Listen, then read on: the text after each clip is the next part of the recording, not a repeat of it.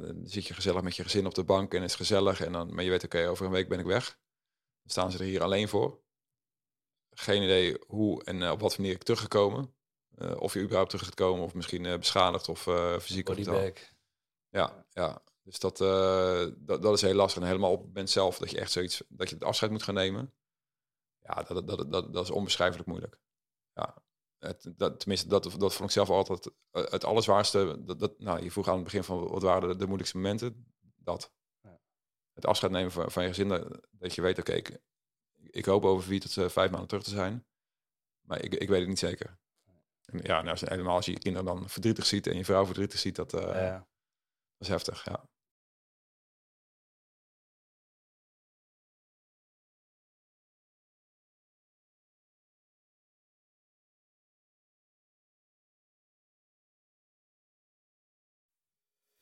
Welkom bij de Op Inspiratie podcast. Mijn naam is Jan Dekker en samen gaan we op ontdekkingsreis om ons leven vol tips en trucs nog leuker te maken.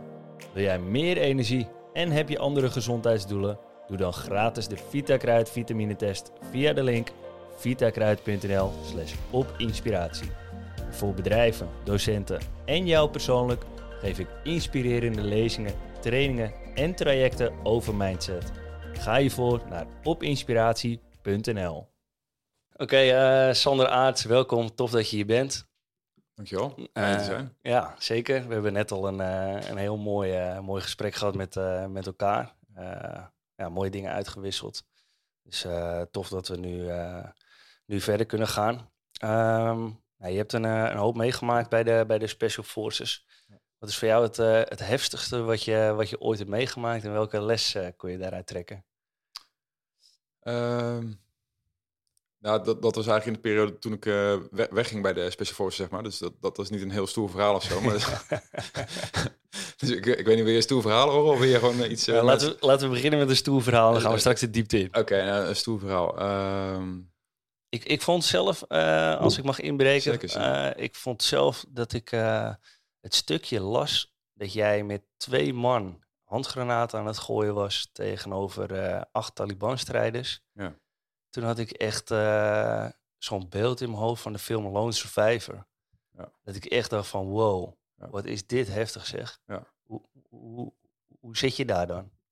Um, nou, met, met Lone Survivors werden die mensen natuurlijk achterna gezeten door de Taliban. En bij ons was het eigenlijk andersom. Wij uh, lieten die groep Taliban-strijders in een, in, een, in een hinderlaag lopen.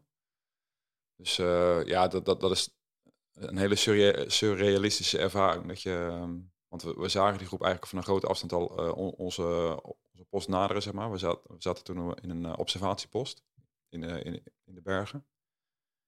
En um, ja, toen wij zagen dat die groep onze kant op kwam, toen ben ik eigenlijk met, een, met, met, met, met mijn buddy zijn ze gaan, gaan, gaan zoeken eigenlijk. Want ze ja, verdwenen iedere keer uit, uit het zicht. En we wisten dat ze onze kant op kwamen, maar de mogelijkheid was ook dat ze uh, naar een ander team van ons uh, gingen. En die zouden ze dan eventueel in de flank uh, aan kunnen vallen. Dus wij wilden gewoon hun, hun, positie weten. En later ja, kwamen ze dusdanig dicht in de buurt dat we hebben besloten om ze in een hinderlaag te laten lopen. We waren maar met z'n twee inderdaad. En dat was een groep van acht tot ja, tien Taliban-strijders ongeveer. Ja, dit, dan neem je natuurlijk echt wel een extreem risico. Want ja, als, als de situatie zich omdraait, ja, dan heb je natuurlijk een meerderheid tegenover je. Maar we hadden ons dusdanig gepositioneerd en de inlaag goed opgezet. Uh, ja, dat we wel wisten dat we het gevecht konden winnen eigenlijk. En uh, ja, toen hebben, we dat, uh, toen hebben we die actie uitgevoerd. En dat gaat allemaal heel erg snel. En, en later, als je dan ja, terugkomt in je observatiepost en helemaal na de missie, zeg maar, dan ga je erop na, na, ja, op, op reflecteren van, joh, wat is er eigenlijk gebeurd? En toen was het eigenlijk gewoon de waan van de dag en dan zat je vol focus in, in, in de missie natuurlijk. Dus de hele menselijke kant, die, die slaat dan even over. Ja. Uh, maar dan ga je zien wat, wat, wat, voor fucking bizarre situatie dat was natuurlijk. Ja. ja. En uh, wat gaat er dan door je heen als je daar ligt en uh, handgranaten gooit? Ja, dat, dat, dat, klinkt misschien raar, maar dat is bijna een soort van spirituele ervaring. Dan, dan, dan, dan heb je zo'n ultieme focus. Dan alle, alles verdwijnt, zeg maar. Dus een tijd verdwijnt, je, je ego verdwijnt een beetje. Je hebt gewoon puur ja, focus op de missie. En het, het lijkt wel een beetje alsof er een heel soort hoe oud jachtinstinct naar boven komt. Want ja, dan heb je eigenlijk maar één focus en dat is gewoon uh, ja, de, de, de vijand uitschakelen eigenlijk. Ehm, ja, dat is heel lastig onder, onder, onder woorden te brengen wat er dan door je heen gaat. Maar het is niet zo dat je dan... Ik, ik voelde toen ook heel weinig angst eigenlijk.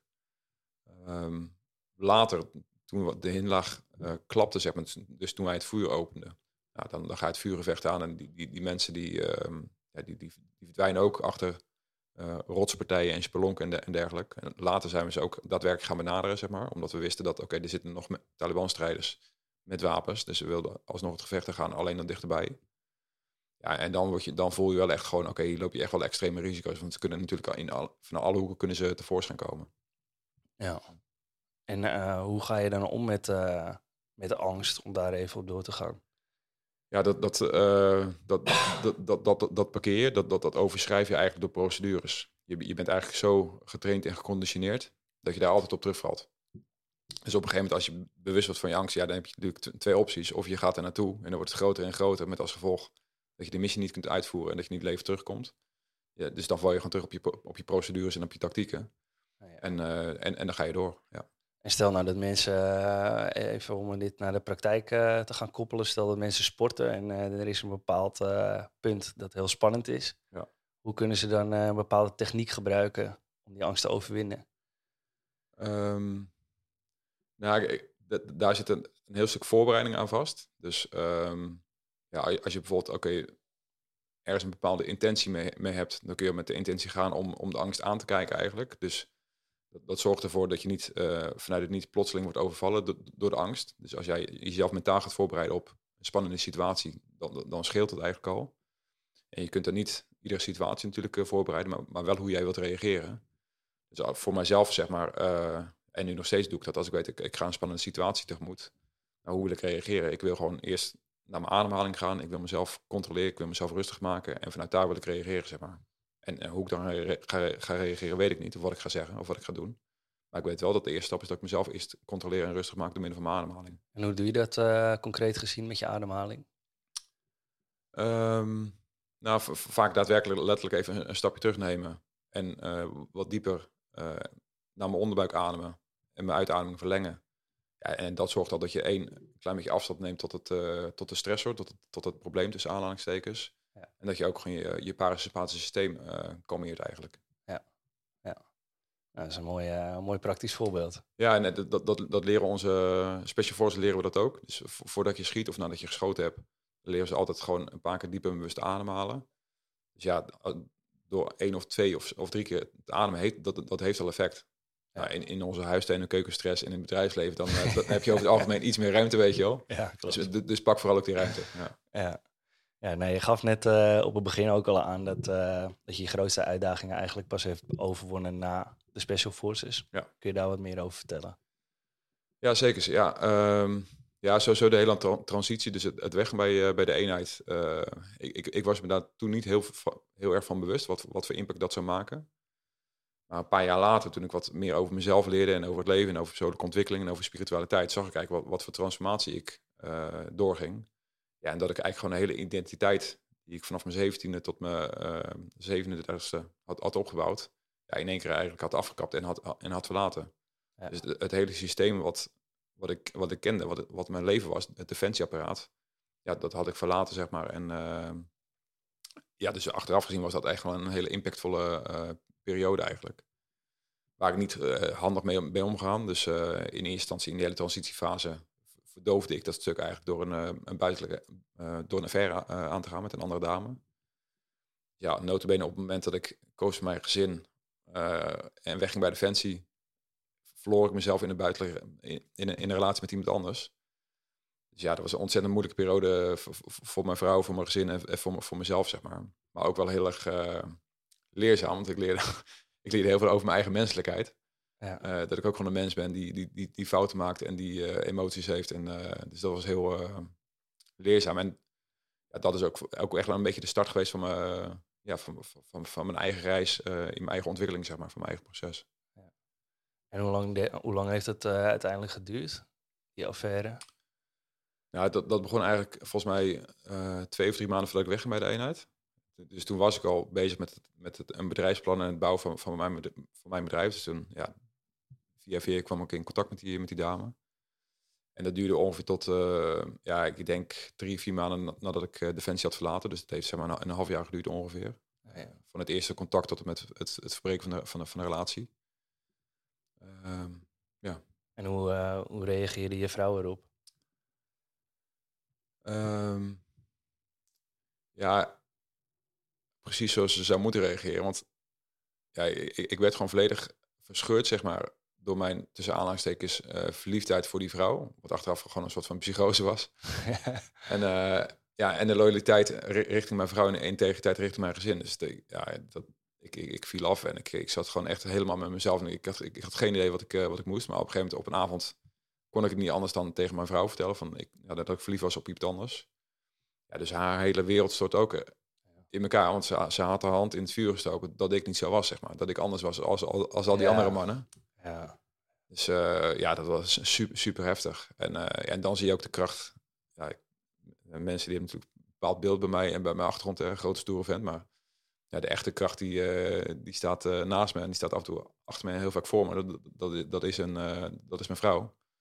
En toen zei ze ook van, ja, na een paar dagen van oké, okay, we hadden toen zelf ook een pleegkindje, een kind, pleegkindje. En die, die kwam uit een, uit een vechtscheiding. Dus we weten, dat, zijn mijn vrouw, we weten wat er gebeurt met kinderen als we in een vechtscheiding uh, raken.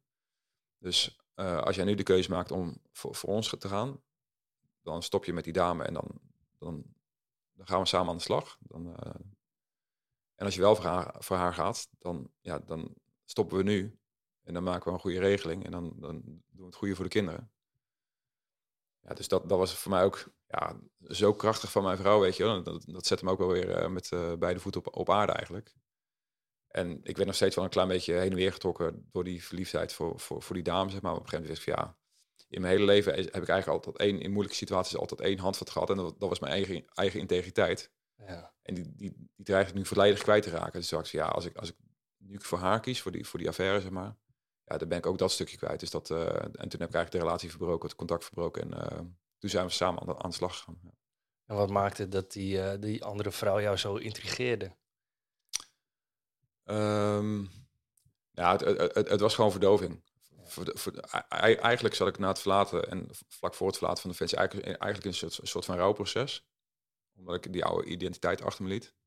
Het is een analyse van een kauwgom natuurlijk, maar uh, zo, zo, zo, zo, zie ik het niet zelf. Ja.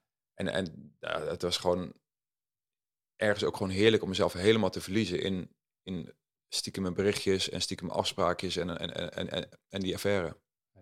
Dus uh, ja, ik, ja, en het was ook echt, het was een aantrekkelijke dame en, en ook wel een, een uh, ergens ook wel een soort van gevaarlijke dame. Ze zei de juiste dingen en ze wist me ook wel een beetje te bespelen, zeg maar. Ik, ik was ook heel vatbaar ervoor in die, in, in die periode. Dus het waren allemaal van die elementen die... Uh, Zou je nu minder vatbaar voor zijn? Ja, ja, ja, ja, ja. Nee, zeker wel. Ja, ik zit, ja. ik zit goed op mijn vel. Ja, ja. ja dat is wel fijn dat dat zo is opgelost, om het zo maar te noemen. Ja, zeker. En, het, het, is gewoon uh, nog steeds hard werken. En toen, toen leerden we ook wel van, ja, eigenlijk door, door mijn manier van leven, onze manier van leven, ja, zaten we eigenlijk allebei al, al, heel, al heel lang in een soort van overlevingsmodus en waren gewoon ja, als partners gewoon op, op twee sporen gekomen. Uh, dus ja, het zet ons ook wel beide gewoon even terug uh, met onze voet op aarde. Ja, de, de relatie is, is ook gewoon hard werken. En, en, nog steeds heb ik ook gewoon patronen en valkuilen en zijn en verleidingen. En ja, dan, is, dan kun je toch heel dicht bij, bij jezelf en bij elkaar te blijven eigenlijk. En is je relatie ook sterker geworden nu? Ja, absoluut. Absoluut, ja. Ik, ik denk als je zoiets... Overwint? overwint, inderdaad. Is het een constante reminder van, oké, we vergeten het heel vaak, maar het kan zomaar gebeuren. Ja. En misschien niet weer zoiets, maar wel iets anders dat je, dat je elkaar gewoon kwijtraakt. Dus ik denk dat dat een hele goede uh, reminder is. Gewoon ja, dat je ja, voor elkaar moet, moet, moet blijven werken en in elkaar moet blijven investeren. En is het ook een stukje intuïtie dat je deed uh, besluiten dat je bij je vrouw wilde blijven? Want daar schrijf je ook vaak over in je boek, hè, dat een, uh, bepaalde wijsheid in zich heeft, waardoor je ook heel vaak door het oog van de naald bent gekropen. Ja. ja. En wat, wat is dat precies, dat stukje intuïtie? Um, ja, als ik daar antwoord op zou geven, dan zou ik een soort van uh, goeroe zijn zo, weet je, of de, of de waarheid probeert te claimen. Maar wat heeft het jou gebracht?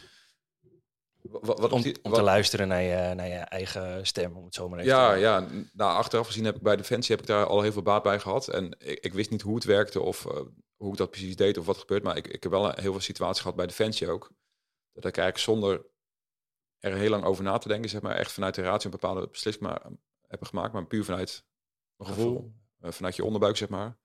Ja, dat je er wel naar links gaat in plaats van rechts. En dat er rechts eh, blijkt een, een bermbom te leggen, Ja. bij- bijvoorbeeld, weet je. Of tijdens vuurgevechten of andere dingen. En ja, en ook met, met, met deze hele eh, affaire, zeg maar. Ja, diep, diep van binnen wist ik, wist ik donders goed. Als ik voor die dame zou kiezen, dat ik gewoon, dat was een, dat, dat, dat ging niet werken. Alleen mijn ego, die, die, ma- die maakte er allerlei mooie verhaaltjes van. En, en die, die, zag, die zag daar heel, heel, heel veel kans natuurlijk. Ja. Maar die van binnen, eh, ja, wist ik donders goed dat, dat, dat het niet ging werken. Nee, je schrijft eh, ook mooi over, eh, over je gedachten. Nu we het hebben over, eh, over je ego, hè? die mooie verhalen schetst. Ehm, jullie als Special Forces zaten vlak voor een, een operatie vaak in een soort iso- isolatiefase. Eh, nou, zelf heb je wel, eh, wel geschreven in je boek ook dat je dan bijvoorbeeld een, eh, een, een hele zware ondervraging had. En dat je dan op een bepaald punt kwam dat je voorbij het denken kwam. Ja. Kun je daar iets over eh, vertellen? Ja, ja en het, het grappige was heel vaak, z- zeg maar, toen was ik niet zo bewust van hoe, hoe dat precies werkte of wat, wat, wat ik toen deed. Ik wist, achteraf weet ik dat het wel gebeurd is. maar specifiek tijdens die ondervraging, ja, dat, dat, dat duurt dan 24 of 30 uur. En dan word je echt gewoon ja, in stre- stressposities gezet, hele ongemakkelijke posities, urenlang. Koude omstandigheden, vaak gooi, je nog e- emmers water over je heen, zeg maar. Dus dan, als je dan bijvoorbeeld gaat nadenken, oké, dit is heel vervelend en ik moet nog echt heel lang, maar ik weet niet hoe lang, want je hebt geen, geen referentiekader, je bent totaal gedesoriënteerd. Ja, dan, dan, dan, dan word je echt gek. Of dan, dan, dan stoppen veel mannen. Dan, die stoppen er dan mee. maar voor mezelf kwam ik altijd wel tot het punt van overgave. Op de, op de een of andere manier. Dus dat je gewoon echt die, die beerput waar je dan in zit, ja, dat je daar gewoon eigenlijk volledig, dat je het volledig accepteert eigenlijk. En dat je daaraan overgeeft. En dan, het, het is niet dat het ongemak dan weg is. Alleen je hebt niet ook, ook nog het probleem bij dat je daar iets van vindt, zeg maar. Ja. Dus er is alleen ongemak, er is kou, er, is alleen, er zijn minder verhalen bij, zeg maar. En dat, dat kan heel erg bevrijdend werken. Ja, en ehm, stel nou dat, dat iemand anders eh, ja, ook in een soort eh, stiltefase terecht wil komen. Hè, om, eh, om bijvoorbeeld eh, antwoorden te vinden op, eh, op levensvragen. Om even door te gaan op de isolatiefase. Ehm, hoe kun je dat soort stiltefases creëren in je dagelijkse leven? Dat je naar je gedachten kunt leren kijken. Ehm, nou, wat, wat, voor mij eigenlijk goed werkt, ehm, en dat, dat werkt voor mij goed, dus ik weet niet hoe dat voor andere mensen werkt, dat mogen ze zelf wat zoeken. ja, sowieso, mijn, mijn ochtenden begin ik tegenwoordig met, eh, met, met yoga. En ja, dat, dat klinkt heel zweverig of weet ik wat, maar het is eigenlijk puur ademhaling en bewegen combineren. En dan heb je eigenlijk ademhaling en bewegen en denken dat, ja, dan is het even onder, ondergeschikt. Ja. Dus dat zorgt gelijk al voor een, een stukje verstilling eigenlijk. En voor, voor mij is het contact maken met mijn lichaam, dat is altijd eh, een heel belangrijk onderdeel daarin. Dus of yoga, of een wandeling, of sporten, of, of ademhaling. Ehm, dus dat, dat, dat, dat werkt voor mij. En ga je dan ergens naartoe voor yoga of doe je dat online? Nee, dat doe ik gewoon eh, bij mij thuis. Dus eh, zodra ik mijn bed opkom, loop ik naar mijn matje. Die, die ligt in een kamer eh, naast mijn slaapkamer. En dan, ja, voordat ik, dat ik iets anders ga doen, zeg maar, ja, besteed ik gewoon even wat tijd aan, me, aan mezelf en aan, aan mijn lichaam. En dan merk ik als, als ik daarmee begin, de dag, ja, de, de rest komt dan altijd wel goed. En dan ontstaat er gelijk van- vanzelf een soort van ruimte voor de, rest, voor, voor de rest van de dag eigenlijk. En zo eindig ik ook weer mijn, mijn- dag. Dus als ik dan een drukke dag heb gehad met allerlei gedoetjes en, en, en stress en, en weet ik veel wat allemaal. Als ik dan ook mijn dag weer afschakel door middel van een yogasessie of wat, wat, wat adem, ademwerk. Ja, dan ontstaat er ook vanzelf weer, wel weer ruimte voor, eh, om alles te integreren, zeg maar. En dan krijg ik wel weer inzicht over de dag of dingen waar ik, eh, waar ik mee worstel. En hoe lang ben je daar dan eh, gemiddeld mee bezig? Meestal, meestal kwartiertje, 20 minuten. Oh ja. En, soms wel als ik echt slecht in mijn vel zit. In de afgelopen periode heb ik wel een, eh, een moeilijke periode gehad. Ehm, dan merk ik wel, oké, da- dan moet ik echt ruimte voor, voor, voor mezelf maken. Dus bijvoorbeeld erg vanaf eh, half maart. Ja, toen, toen, kwam ik zelf met een thuisstuk uh, vanuit mijn jeugd. Ging ik, daar, ging ik mee aan de slag eigenlijk. En toen ik tegen de, de, mensen van mijn, van mijn onderneming, mijn, team, heb ik gezegd: jongens, ik heb gewoon echt de, de, ruimte voor mezelf nodig. Vanwege, vanwege dit proces. En uh, ja, toen, toen ben ik daarmee aan de slag gegaan. En wat me toen heel, heeft, heel erg heeft geholpen, is gewoon echt lang, lange wandelingen maken. veel naar strand, veel zwemmen in zee. En ehm, ja, ook wel, ook wel wat langer mediteren. Of bijvoorbeeld ook ben ook een, naar een retraite gegaan in, in Portugal, een yoga meditatie retraite. Dus echt gewoon ja, voor mezelf gewoon redelijk rigoureus ruimte gemaakt. Ja. En het zorgt ervoor dat je nu wel beter in je vel zit. Ja, zeker. Ja, ja, want ja, eigenlijk toen ik daar de, de ruimte voor gaf, ja, kwam er ook redelijk wat, wat, wat zooi kwam naar boven, zeg maar. Dus ja, ik, ik, heb nooit een, echt een, een, een, hoe zeg dat, een, een diagnose gehad, maar ja, een zware mate van inslachtigheid, of misschien zelfs depressie. Uh, dat, dat kwam naar boven. En daaronder zat eigenlijk heel veel woede en verdriet, zeg maar. Dus, dus dat kwam eigenlijk naar boven. En ook wel uh, dissociaties. En dat, dat was nog wel het, uh, het engste of, of, het lastigste eigenlijk, dissociaties. Maar juist omdat ik daar mezelf de ruimte voor gaf, ja, kon, kon dat er zijn, zeg maar. En kon dat gewoon verwerkt worden. Ja, dat schreef je ook in je boek inderdaad, dat je je donkere kant moet leren omarmen. Ja, ja, ja. Ja, ja, absoluut. En dat, uh, ja, helemaal te tegenwoordig is het steeds meer natuurlijk ook met social media. We willen natuurlijk uh, succesvol zijn en we zijn alleen maar uh, de, de, bloemetjes en de bijtjes en, de, en de mooie dingen, weet je, helemaal met spiritualiteit. Dat heeft best wel vaak een soort van, ja, we, we, zoeken eigenlijk geluk. We zoeken eigenlijk alleen maar naar de mooie dingen. Maar inmiddels leer ik steeds meer dat, ja, als je wel juist naar die donkere kant gaat en daar de ruimte voor maakt, dan, dan komt er ook meer licht komt, komt er binnen. En dan zie je ook waar, waar, waar het licht vandaan komt en waar, waar, de ruimte vandaan komt. Ja. En, um, ja, en dat, dat, is, dat is wel de, de moeilijke keuze natuurlijk om die kant op te gaan. Om, om, om achterom te kijken, oké, wat, uh, wat, wat voor shit draag je allemaal bij me? Ja. Maar daar, daar ontstaan vaak wel de, ja, de mooie dingen. Ja. ja, daar hadden we het inderdaad voor de podcast uh, ook al even over, inderdaad. Dat, dat wat je meemaakt hè, en, en daar naar durft te kijken, dat je dan steeds uh, bewuster kunt gaan leven en meer genieten in het moment. Ja. Dus het wil inderdaad niet altijd zeggen dat, uh, dat als je heftige shit meemaakt, kijk, natuurlijk is dat vervelend op het moment. Maar als je durft aan te kijken en te kijken van hé, hey, wat, uh, wat kan ik hiermee? dat het je uiteindelijk wel laat groeien. Een bepaalde groeipijn schreef je ook over. Ja, ja. Dat je, ja, je, je had daar voor mij, volgens mij een, een mooie metafoor over voor de jungle dat jullie in de jungle zaten en uh, alleen maar aan het kappen waren om uh, op zoek te gaan naar een, uh, een betere plek. Ja, ja. En, en, en dat het heel veel pijn deed, maar dat je uiteindelijk wel op die plek komt die beter is. Ja, ja. Maar dat je even door de shit heen moet. Ja, absoluut. Ja, en ook ja, om, om dan een metafoor van de jungle te gebruiken, ja, je, je, je ziet de uitbestemming niet. Ja. En ja, in, in het proces van persoonlijke ontwikkeling, daar is natuurlijk geen, geen, geen eindproces dan kun je eigenlijk alleen maar in het hier en nu blijven. En, net zoals in, in de jungle, als je dan aan het kappen bent en ja, je gaat door, door de struiken en weet, weet ik voor wat ellende allemaal. Ja, dan kun je jezelf natuurlijk helemaal gek maken, zeg maar, om uh, daar te komen waar je wilt zijn. Ja. Maar het enige wat je, wat je kunt doen, is in, in het hier en nu gewoon blijven kappen, weet je. En af en toe uh, even wisselen met je, met, met je buddies en af en toe even een goede pauze nemen voordat je weer door kunt. En goed voor jezelf blijven zorgen. Ja. ja. Ja, je, je zegt net, uh, af en toe maak je jezelf helemaal gek. Dat, uh, dat doe je ook wel eens met jezelf. Hè? Dat je een bepaalde vorm van uh, uitstelgedrag ja. hebt. Iedereen herkent het wel, denk ik. Ja. Hoe, hoe ga jij daar nou praktisch gezien mee om? Met, met uitstelgedrag? Ja. Um, nou, ik, ik, ik, moet zeggen, ik, ik heb helemaal na mijn defensieperiode... heb ik mezelf eigenlijk aangeleerd om iets minder rigide te leven, zeg maar. Dus ik, ik was natuurlijk heel erg gedisciplineerd en redelijk rigide in mijn, in mijn, in mijn acties en dat soort dingen. Dus eigenlijk ben ik daar expres wat, wat, wat laconieker in geworden. Ook met, uh, met tijden en ja, gewoon om mezelf maar af en toe te, te laten raken daarin, weet je, om daar wat, wat, wat ruimte in, in, te zoeken. En, uh, en inmiddels vind ik het voor mezelf echt helemaal oké als ik dingen gewoon af en toe uitstel. Ja. En echt de, de belangrijke taken, die, die, die vind ik leuk om te doen, weet je. Dus dat, dat, dat komt. En, en natuurlijk heb je altijd wat dingen die, uh, die minder sexy zijn. En ja, bijvoorbeeld met, uh, met schrijven, dat is af en toe best wel een, uh, een, een, wat lastiger proces ook. Dat, daar moet ik mezelf gewoon echt toe zetten af en toe. En dat is heel verleidelijk om uh, de leuke dingen te gaan doen, weet je, of, of de makkelijke dingen. Dan, dan gebruik ik voor mezelf bijvoorbeeld een, een mantra. Een mantra betekent uh, bescherming van de geest. Mijn, mijn mantra is dan zitten en schrijven. Dus daarmee zet ik mezelf een soort van in, in de actiestand. Dan, dan doorbreek ik die mentale uh, uitstellen loop, zeg maar. Ja. En dat mantra eh, zitten en schrijven, ja, dan ga ik gewoon zitten en schrijven zonder dat ik geïnspireerd ben. De, de inspiratie komt dan uh, vanzelf wel. Dus wat een, een, mantra kan, kan mij daar, daarbij helpen.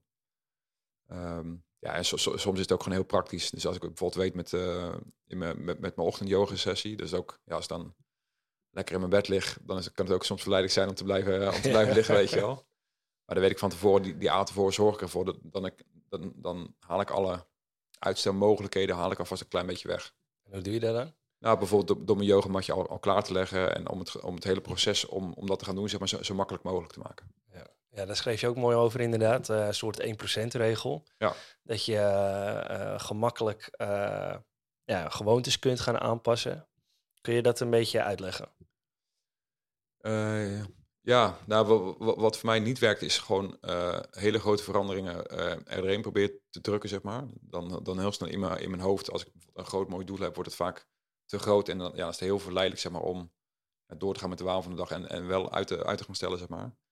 En als wij bijvoorbeeld um, een, een, nieuwe schietprocedure bij de speciale eenheden wil, wilden doorvoeren, gingen we eigenlijk die hele, de hele procedure gingen we uit elkaar halen, zeg maar. Van A tot Z, van hoe je je wapen houdt, uh, hoe je je kijker hebt, hoe je, hoe je de stand van je, van je voeten, hoe je je handen hebt, et cetera. Dus helemaal van A tot Z ga je, ga je de hele procedure eigenlijk demonteren. En dan ga je kijken per stukje, zeg maar, waar, waar de uh, optimalisatie zit. Dus als je hand net iets beter kunt houden, nou, dan ga je dat eens proberen, zeg maar. Ja, en zo doe ik het eigenlijk ook met, met mijn eigen proces. Ik ga gewoon ja, mijn eigen proces, mezelf even demonteren. Dus gewoon mijn gedrag, mijn acties, uh, mijn doelstelling, mijn bedrijf, eigenlijk alles dan ga ik kijken, oké, waar, ligt nu voor mij de, de, de meeste ruimte? Wat, wat, wat, kan ik gaan optimaliseren? En dat, dat maak ik eigenlijk zo, zo klein mogelijk en, en zo behapbaar mogelijk. Echt, echt, echt een soort van microdoel. En, en dat ga ik proberen uh, te optimaliseren. En dan, dan zie je, als je bijvoorbeeld ook uh, ja, met, met de kompas, als ik, die, als ik die 1 graad verzet, zeg maar, ja, dat is nu eigenlijk bij een, een, een verandering van niks. Maar over een kilometer is, is dat, heb je een, een, een deviatie, een verschil van 100 meter bij wijze van spreken. Ja. En zo is het ook volgens mij met die kleine veranderingen. Ja. Dus bijvoorbeeld nu, de laatste, de laatste jaren heel veel met, met ademwerk gedaan.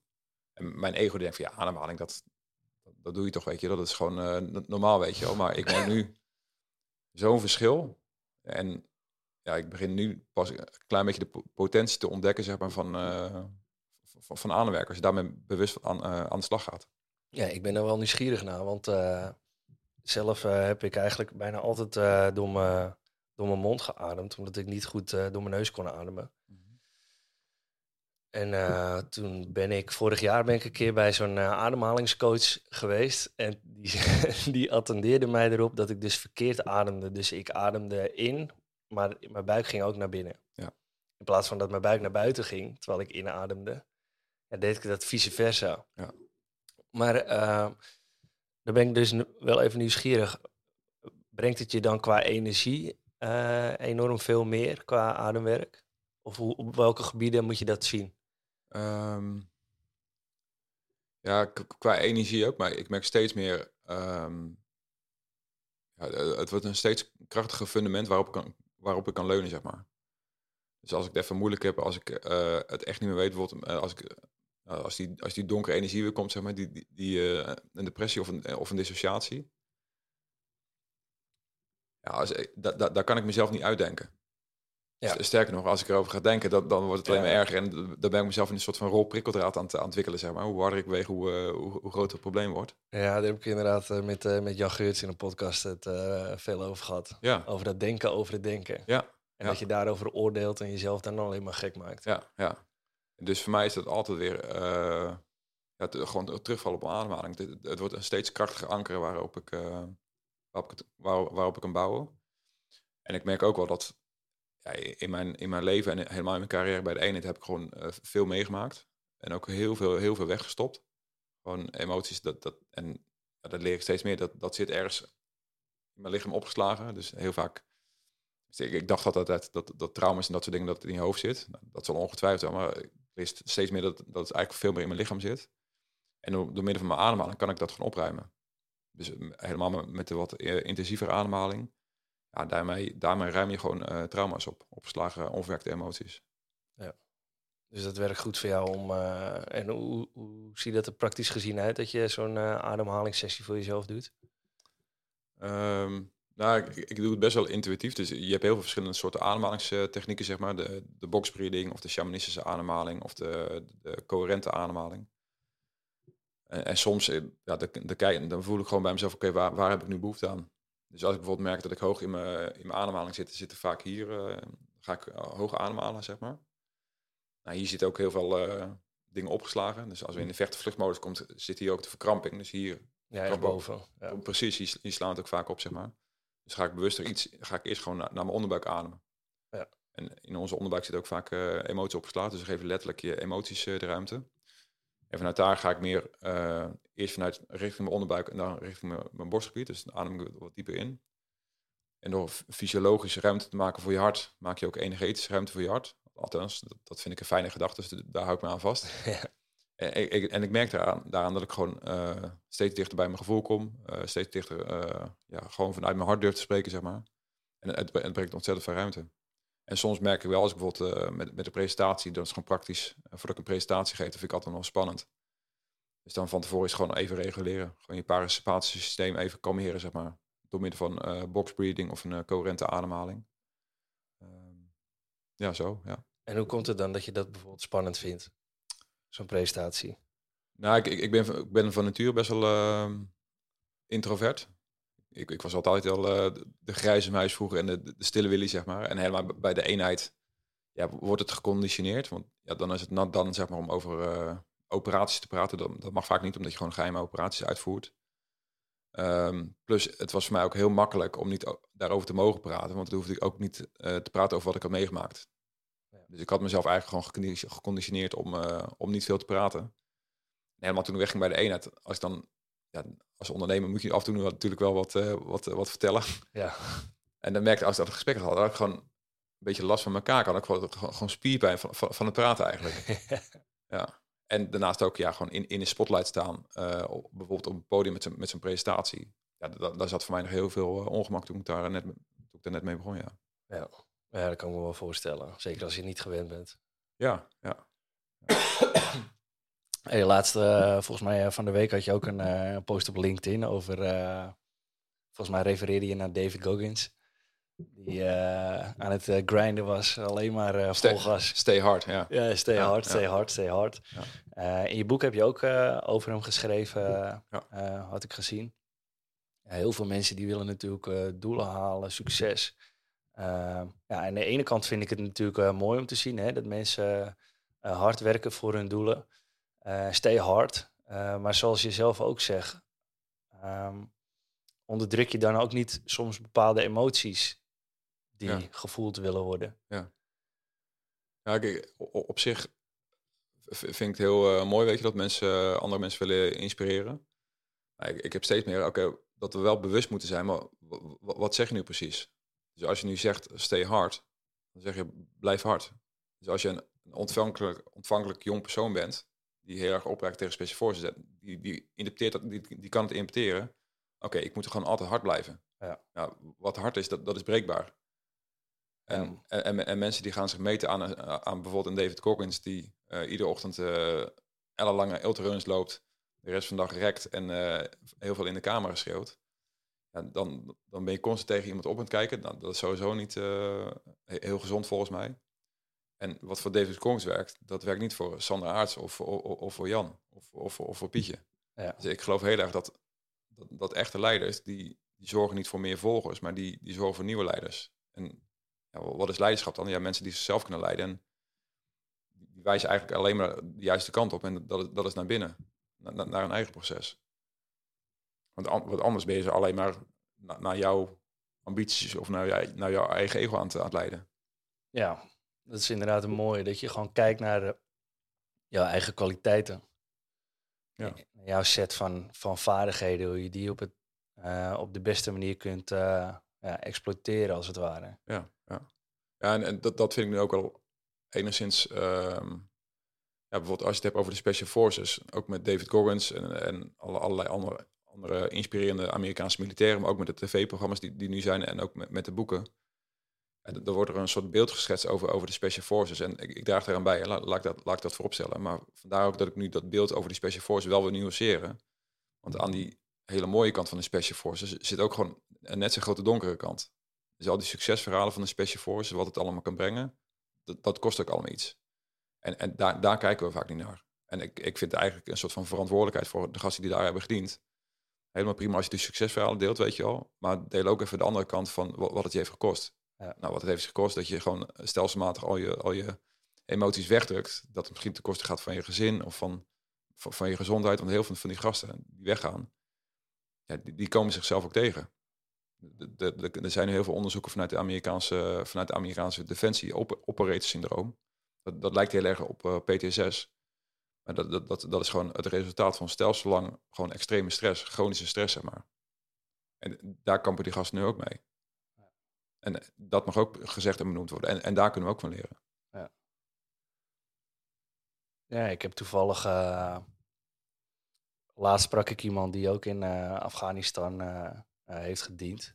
En die heb ik ook iets van twee, drie jaar terug gesproken. En die heeft toen voor het eerst hele verhaal verteld aan mij. Kwam vorige week naar me toe om me te bedanken dat het me echt letterlijk lichter heeft gemaakt. Ja. Om, om zijn verhaal een keer kwijt te kunnen. Ja.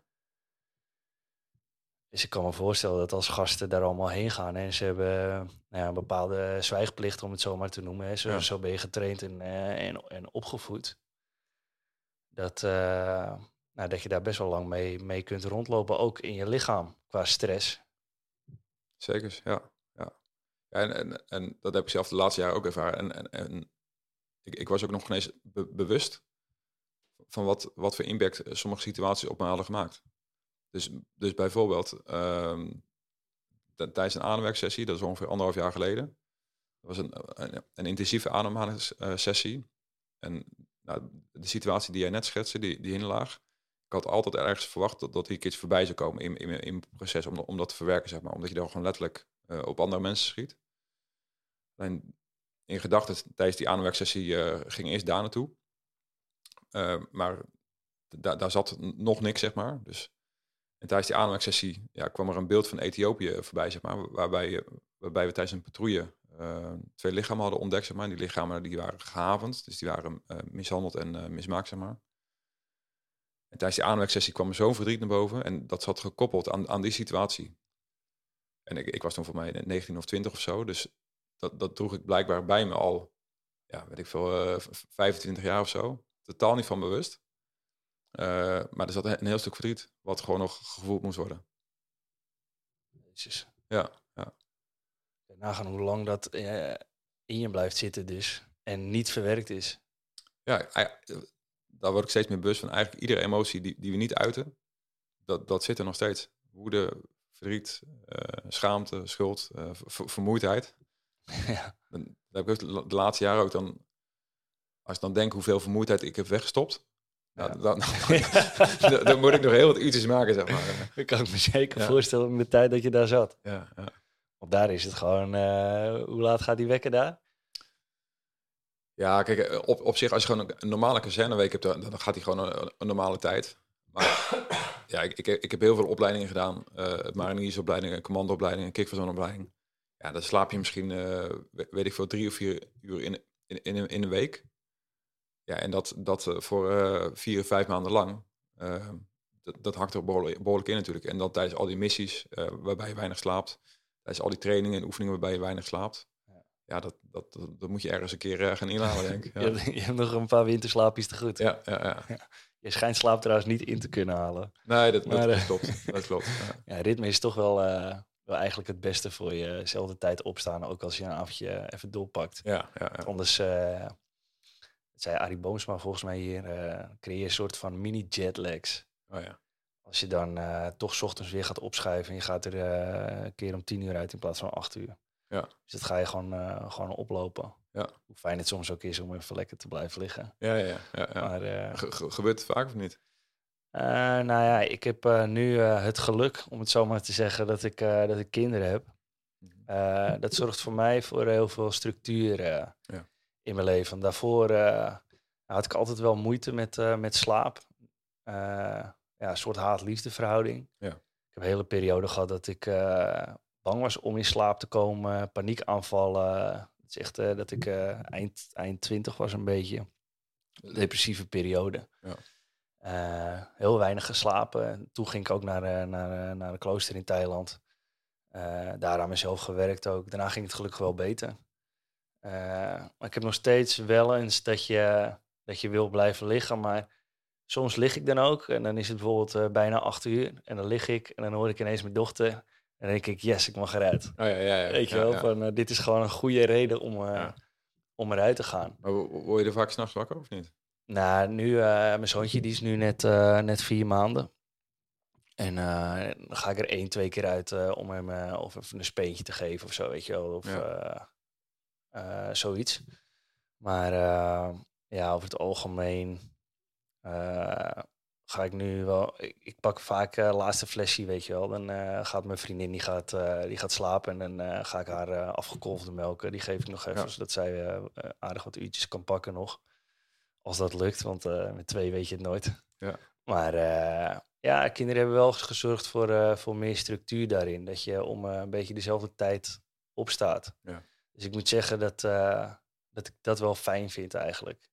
Ja, heb je dan ook een, een, een, een avondroutine of niet? Om, om, een, eh, Ehm, ja, ik, ik ben er zo erg in eh, aan het zoeken in de, in de avondroutine. Ik heb wel een, eh, eh, een speciale blauwe lichtfilterbril, zeg maar, die ik opzet. Want eh, omdat ik dus moeite had met uit bed komen, eh, dacht ik van ja, wat, wat kan er nou voor zorgen dat je wel makkelijk uit bed komt? En toen eh, heb ik onderzoek gedaan en toen heb ik gelezen dat als het bijvoorbeeld eh, een donkere maand is, eh, dat je dan een, eh, eh, daglichtbril kan, eh, kan kopen. En die zorgt er dan voor dat, eh, nou ja, dat je hersenen het gevoel krijgen dat de dag al is begonnen. Dus dat je dan s'avonds eerder in slaap valt, dat het makkelijker is.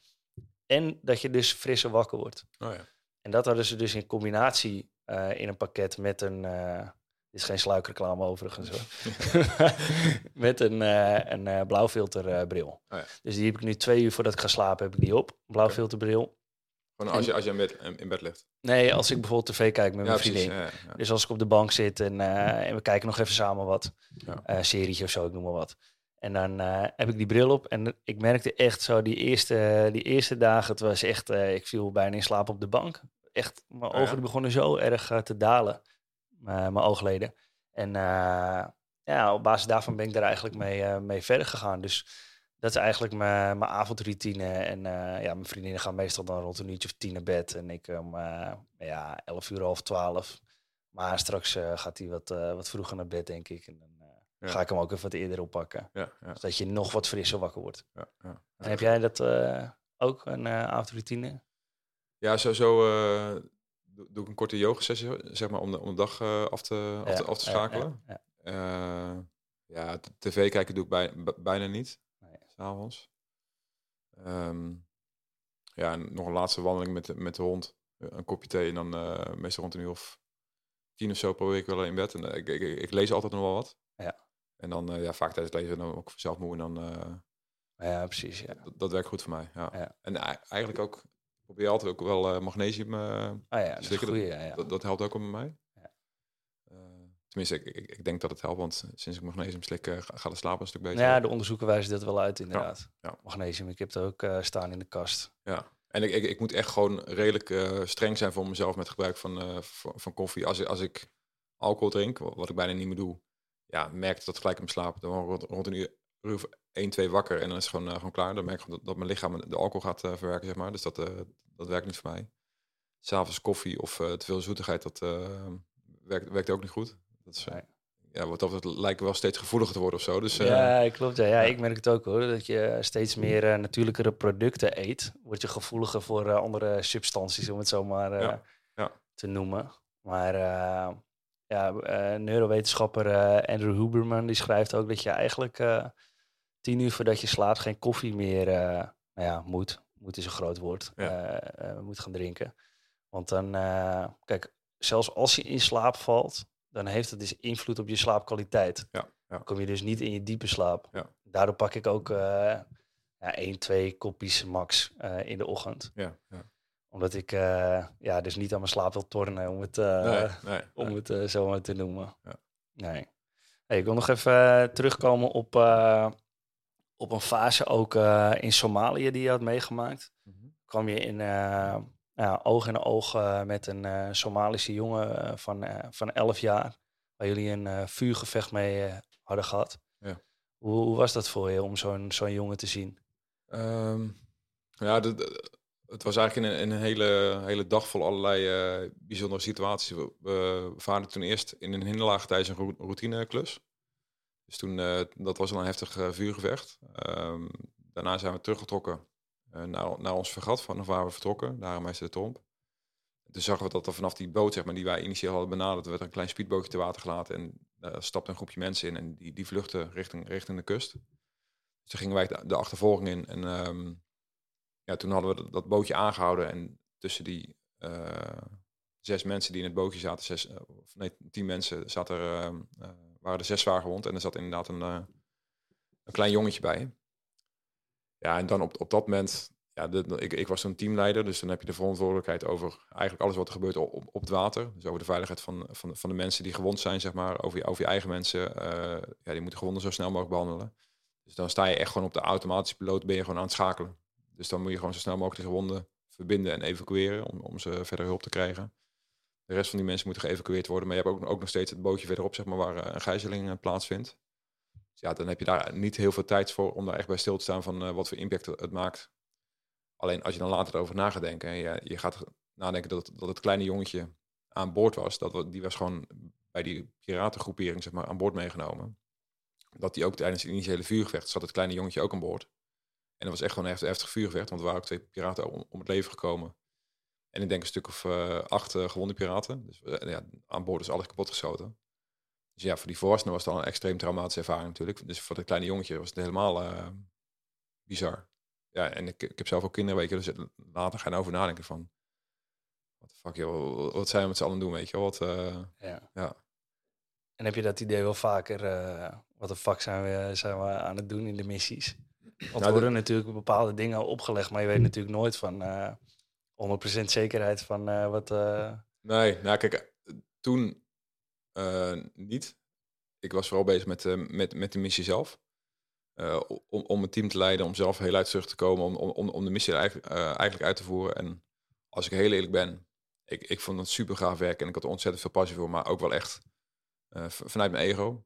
Omdat ik gewoon, gewoon eh, dat wilde halen en dat wilde doen en eh, mezelf op de kaart wilde zetten en de teamleider wilde zijn die die, die missies uitvoerde, zeg maar. Eh, alleen later, als je dan weggaat en de druk is van de ketel en je, neemt afstand tot, tot je hele carrière, ja, dan ga je natuurlijk wel denken, oké, eh, hebben we daar echt eh, de impact gemaakt die, die we wilden maken? Eh, en op, op microniveau hebben we dat absoluut gedaan. Dus bijvoorbeeld in Somalië, we hebben daar een schip bevrijd wat gegijzeld was. Dus ja, die, die, die bemanningsleden die hebben bevrijd zijn van een hele vervelende situatie. Die, werden ook, die zouden ook mogelijk geëxecu- geëxecuteerd worden. Dus op dat niveau maak je echt wel impact. En op de, op de grote schaal, eerlijk antwoord is, ik- ik- dat, dat weet ik niet. Dat weet ik niet. En, en, en natuurlijk kunnen we zeggen met z'n allen, we hebben daar eh, succesvolle missies eh, uitgevoerd en we hebben piraterij eh, de, wo- de wortel eruit getrokken. Eh, misschien, dat, eh, dat, dat weet ik niet. Nee, je hebt het net eh, ook al even kort over je kinderen. Ja. Hoe is het om op missie te zijn en te weten van, ik weet niet of ik mijn kinderen nog terug ga zien. Of dat zij hun vader nog terug gaan zien. Ja, als je, daar echt, als je dat echt tot je door laat dringen op, op, op dat moment, dan is dat eh, hard, hartverscheurend. Ja, dus eh, zeg maar de, de, week voordat je op missie gaat, of twee weken ervoor, eh, heb je, ben je vaak vrij. Om alles thuis te regelen en om nog vakantie op te nemen, zeg maar. Ja, dat, dat is, dat is dan zo intens confronterend dat je weet, oké, nou, dan zit je gezellig met je gezin op de bank en is gezellig. En dan, maar je weet, oké, over een week ben ik weg. Dan staan ze er hier alleen voor. Geen idee hoe en op wat manier ik teruggekomen. Eh, of je überhaupt terug gaat komen, of misschien eh, beschadigd of eh fysiek. of. Ja, ja. Dus dat, dat, dat is heel lastig. En helemaal op het moment zelf dat je echt zoiets, dat je het afscheid moet gaan nemen. Ja, dat, dat, dat, dat is onbeschrijfelijk moeilijk. Ja, het, dat, tenminste, dat, dat vond ik zelf altijd het allerzwaarste. Dat, dat, nou, je vroeg aan het begin van wat waren de, de moeilijkste momenten. Dat. Ja. Het afscheid nemen van, van je gezin. Dat, dat je weet, oké, ik, ik hoop over vier tot vijf maanden terug te zijn. Maar ik, ik weet het niet zeker. En ja, nou, als, helemaal als je je kinderen dan verdrietig ziet en je vrouw verdrietig ziet, dat, Ja. dat is heftig. Ja. En is dat ook een reden dat je afscheid hebt genomen van, eh, de Special Forces? Nou, mijn eerste trigger dat was eh, in, in de laatste jaren van, van mijn carrière ging het steeds moeilijker met, met mijn zoon, met, eh, met Tom. Die, eh, die bleek dan al autisme te hebben. En dat, dat, dat ging thuis steeds lastiger. Dus, ehm, en ik vond het steeds moeilijker om met zijn gedrag om te gaan eigenlijk. Terwijl hij ons ei- eigenlijk alleen maar de signalen gaf van dat- er iets niet klopte. Dus dat- dat, vond ik heel moeilijk om, om daarmee om te gaan. Plus op mijn werk merkte ik ook van dat, dat, dat de passie een beetje weg was. Eh, dat was door mijn vingers aan het glippen, maar ja, dat was mijn hele way of life natuurlijk. Wat door mijn vingers glipte. Dus ik kon, Ja. maar, ik kon maar één standje, dat was harder werken. En dat werkte niet. Dus dat kreeg ik ook weer thuis terug. eh, onder, onder andere door, door mijn zoontje. Van, ja, zijn gedrag werd steeds, steeds lastiger eigenlijk. Ehm, ja, en, en op een dag werd ik eigenlijk daarmee geconfronteerd. ehm, ja, dat, dat, dat het niet langer kon. Dat ik echt gewoon... Ja, ik kon mijn zoontje niet veranderen. Ik, ik moest met mezelf... eh, ik, ik moest zelf iets gaan veranderen. Wat was dat moment dan? Ehm, ja, ik, ik had toen. ehm, ik had toen een afscheidsbrief geschreven in, in 2007, zeg maar, vlak voordat ik naar Afghanistan ging. Dat was een afscheidsbrief voor mijn kinderen mochten komen te overlijden. En toen, jaren later, eh, kwam, kwam ik thuis, zeg maar. eh, toen zat ik bij de antiterreureenheid. Ook een hele drukke periode door al die aanslagen binnen, binnen Europa. Dus toen, ja, ik, ik kwam toen thuis. Mijn vrouw en kinderen waren overstuur, want eh, Tom die had een heftige bui, zeg maar. En eh, nou, op, de, op de automatische piloot al- alles weer een beetje de rust gekalmeerd, zeg maar. De rust ter- teruggebracht. En toen moest ik nog wat werken, dus ik, ik, op mijn laptop zocht ik een of ander werkdocument. Maar ik, ik vond die afscheidsbrief. En die, die, die las ik nog een keer. Ja, en toen kwam een soort van eh, awakening van, ja gast, wa- wat, wat ben je nu aan het doen, weet je wel? Wat, eh, wat, wat als je daar was komen te overlijden? En was je dan de vader die je wilde zijn? En wa- wat voor va- vader wil je eigenlijk zijn? En als je echt ja, als het, als het je laatste dag is of je laatste uurtje, wat, is er dan echt belangrijk? Ja, dat is niet die missie en dat is niet de team op je werk, maar dat is hier wat hier, hier thuis om gaat. Ja, en toen had ik gezegd, ja, ik, ik, ik, ik moet die keuze maken. En ik wist ook, als ik bij de eenheid blijf, dan blijf ik in dat systeem van, van, druk en van actie en van missies. En ik wist ook, ja, ik, kan, ik kon relatief makkelijk naar, redelijk gebruikelijk ook naar, naar de politie te gaan, naar een arrestatieteam of naar de inlichtingendiensten. En dan wist ik, dan ben je nog steeds hetzelfde aan het najagen. Je moet gewoon stoppen met eh, de actiemodus en ja, met jezelf aan de slag eigenlijk. Ja. En, en, zo- en zo is het daar dat eh, proces gegaan. En hoe bevalt het nu voor je, je eigen proces? Ja, super leuk en makkelijk. nee, nee, ja, het, het is. Eh, eh, het, het, het brengt alleen maar liefde. En dat is ook eh, wa- waar ik het voor doe. Eh, en als ik dan weer terugdenk aan die afzetbrief en wat er voor mij echt belangrijk is, dat. Niet meer en iets minder, zeg maar, liefde. En helemaal in die periode zat er heel veel eh voorwaardelijkheden tussen die liefde. Dus toen had ik zoiets van, oké, die voorwaardelijkheden, dat zijn mijn eigen oordelen, dat- dat zijn mijn eigen, eigen overtuigingen. En dat is het proces wat ik nu aanga. Gewoon die onderzoeken en die eigenlijk steeds meer eh filteren eigenlijk, om steeds meer helderheid te krijgen eh, over mezelf en over mijn leven en over, over wat er belangrijk is. Maar dat, dat, is, niet, dat is niet makkelijk. Je het is constant ja, richting, eh, een beetje richting de duisternis, om te kijken waar, eh, wat, er, wat er opgeruimd mag worden. Eh, en het is heel dankbaar. Ik, ik voel me steeds sterker, steeds, steeds opgeruimder, steeds, steeds helderder. En het brengt heel veel ruimte. Maar ook, af en toe kom je ook dingen terug tegen van, waarvan je totaal niet bewust van was. eh, vanuit, vanuit Defensie of vanuit, eh, vanuit mijn jeugd. Ja, en dan, dan mag je dat ook eh, aankijken. Ja. Ja. ja. nee, ik denk dat dat, dat dat wel een mooie, mooie eindconclusie is. Ik heb het vaker hier in de podcast, of, of dat nou toeval is of niet, dat mensen daar toch altijd weer op terugvallen. Dat die liefde is toch het belangrijkste. En toch met degene die je naaste zijn natuurlijk. Ja. Dat het uiteindelijk toch eh, meer belangrijk is dan eh, wat je zegt, het eh, nastreven van doelen, succes, alles, om alles maar te noemen. Ja. Dus, hey, je bent ook bezig met een, met een nieuw boek schrijven. Kun je daar nog even kort iets over vertellen? Eh, het nieuwste boek heet De Moed om te Leiden, met de korte ei. Ja. Ehm, ligt eh, half december in, in de winkel. Ehm, ja, en dan, ja, ik heb heel veel geleerd over, over leiderschap, zeg maar, eh, in mijn tijd bij de, bij de eenheid. Verschillende leidinggevende functies eh, bekleed. Maar de afgelopen jaren, zeg maar, ook door, door mijn eigen proces, eh, waar we het zojuist over hadden, heb ik, is mijn beeld over leiderschap wel enigszins veranderd. Ja. Ik zie het al een beetje als macro-leiderschap en micro-leiderschap. En micro-leiderschap is voor mij ja, bijvoorbeeld je, je team naar een gezamenlijk doel leiden. Ehm, dat, ja, dat zie ik een beetje als, als micro-leiderschap. Maar voor mij is, is macro-leiderschap is gewoon ja, eigenlijk je, je eigen binnenwereld op, opruimen. Zodat je het voor de volgende generaties en misschien zelfs voor de vorige generaties opruimt. En op die manier ook hun, hun leidt eigenlijk. Ja. En, dat is een interessant proces, maar ja, half, half december ligt hij in de winkel. Ja, tof. En mochten mensen tot half december niet kunnen wachten, dan kunnen ze nog altijd deze kopen. Missie Mindset. Absoluut. Het is een, echt een heel, heel interessant boek met ja, mooie praktische voorbeelden ook die, die je geeft vanuit je tijd van de Special Forces. Ja. En mochten mensen deze podcast willen steunen, dan kunnen ze altijd volgen, liken, abonneren. En via YouTube kun je nu ook tegenwoordig een, een super thanks geven. Dus nou, helemaal, helemaal mooi. Ik wil jou hartelijk bedanken voor je, voor je mooie, inspirerende inzichten. En heel veel succes met je nieuwe boek. Dankjewel. Bedankt voor het mooie gesprek. Ja, jij ook bedankt. Tof dat je mee op inspiratie was. Voor bedrijven, docenten en jou persoonlijk geef ik inspirerende trainingen op het gebied van mindset. Ga je voor naar opinspiratie.nl.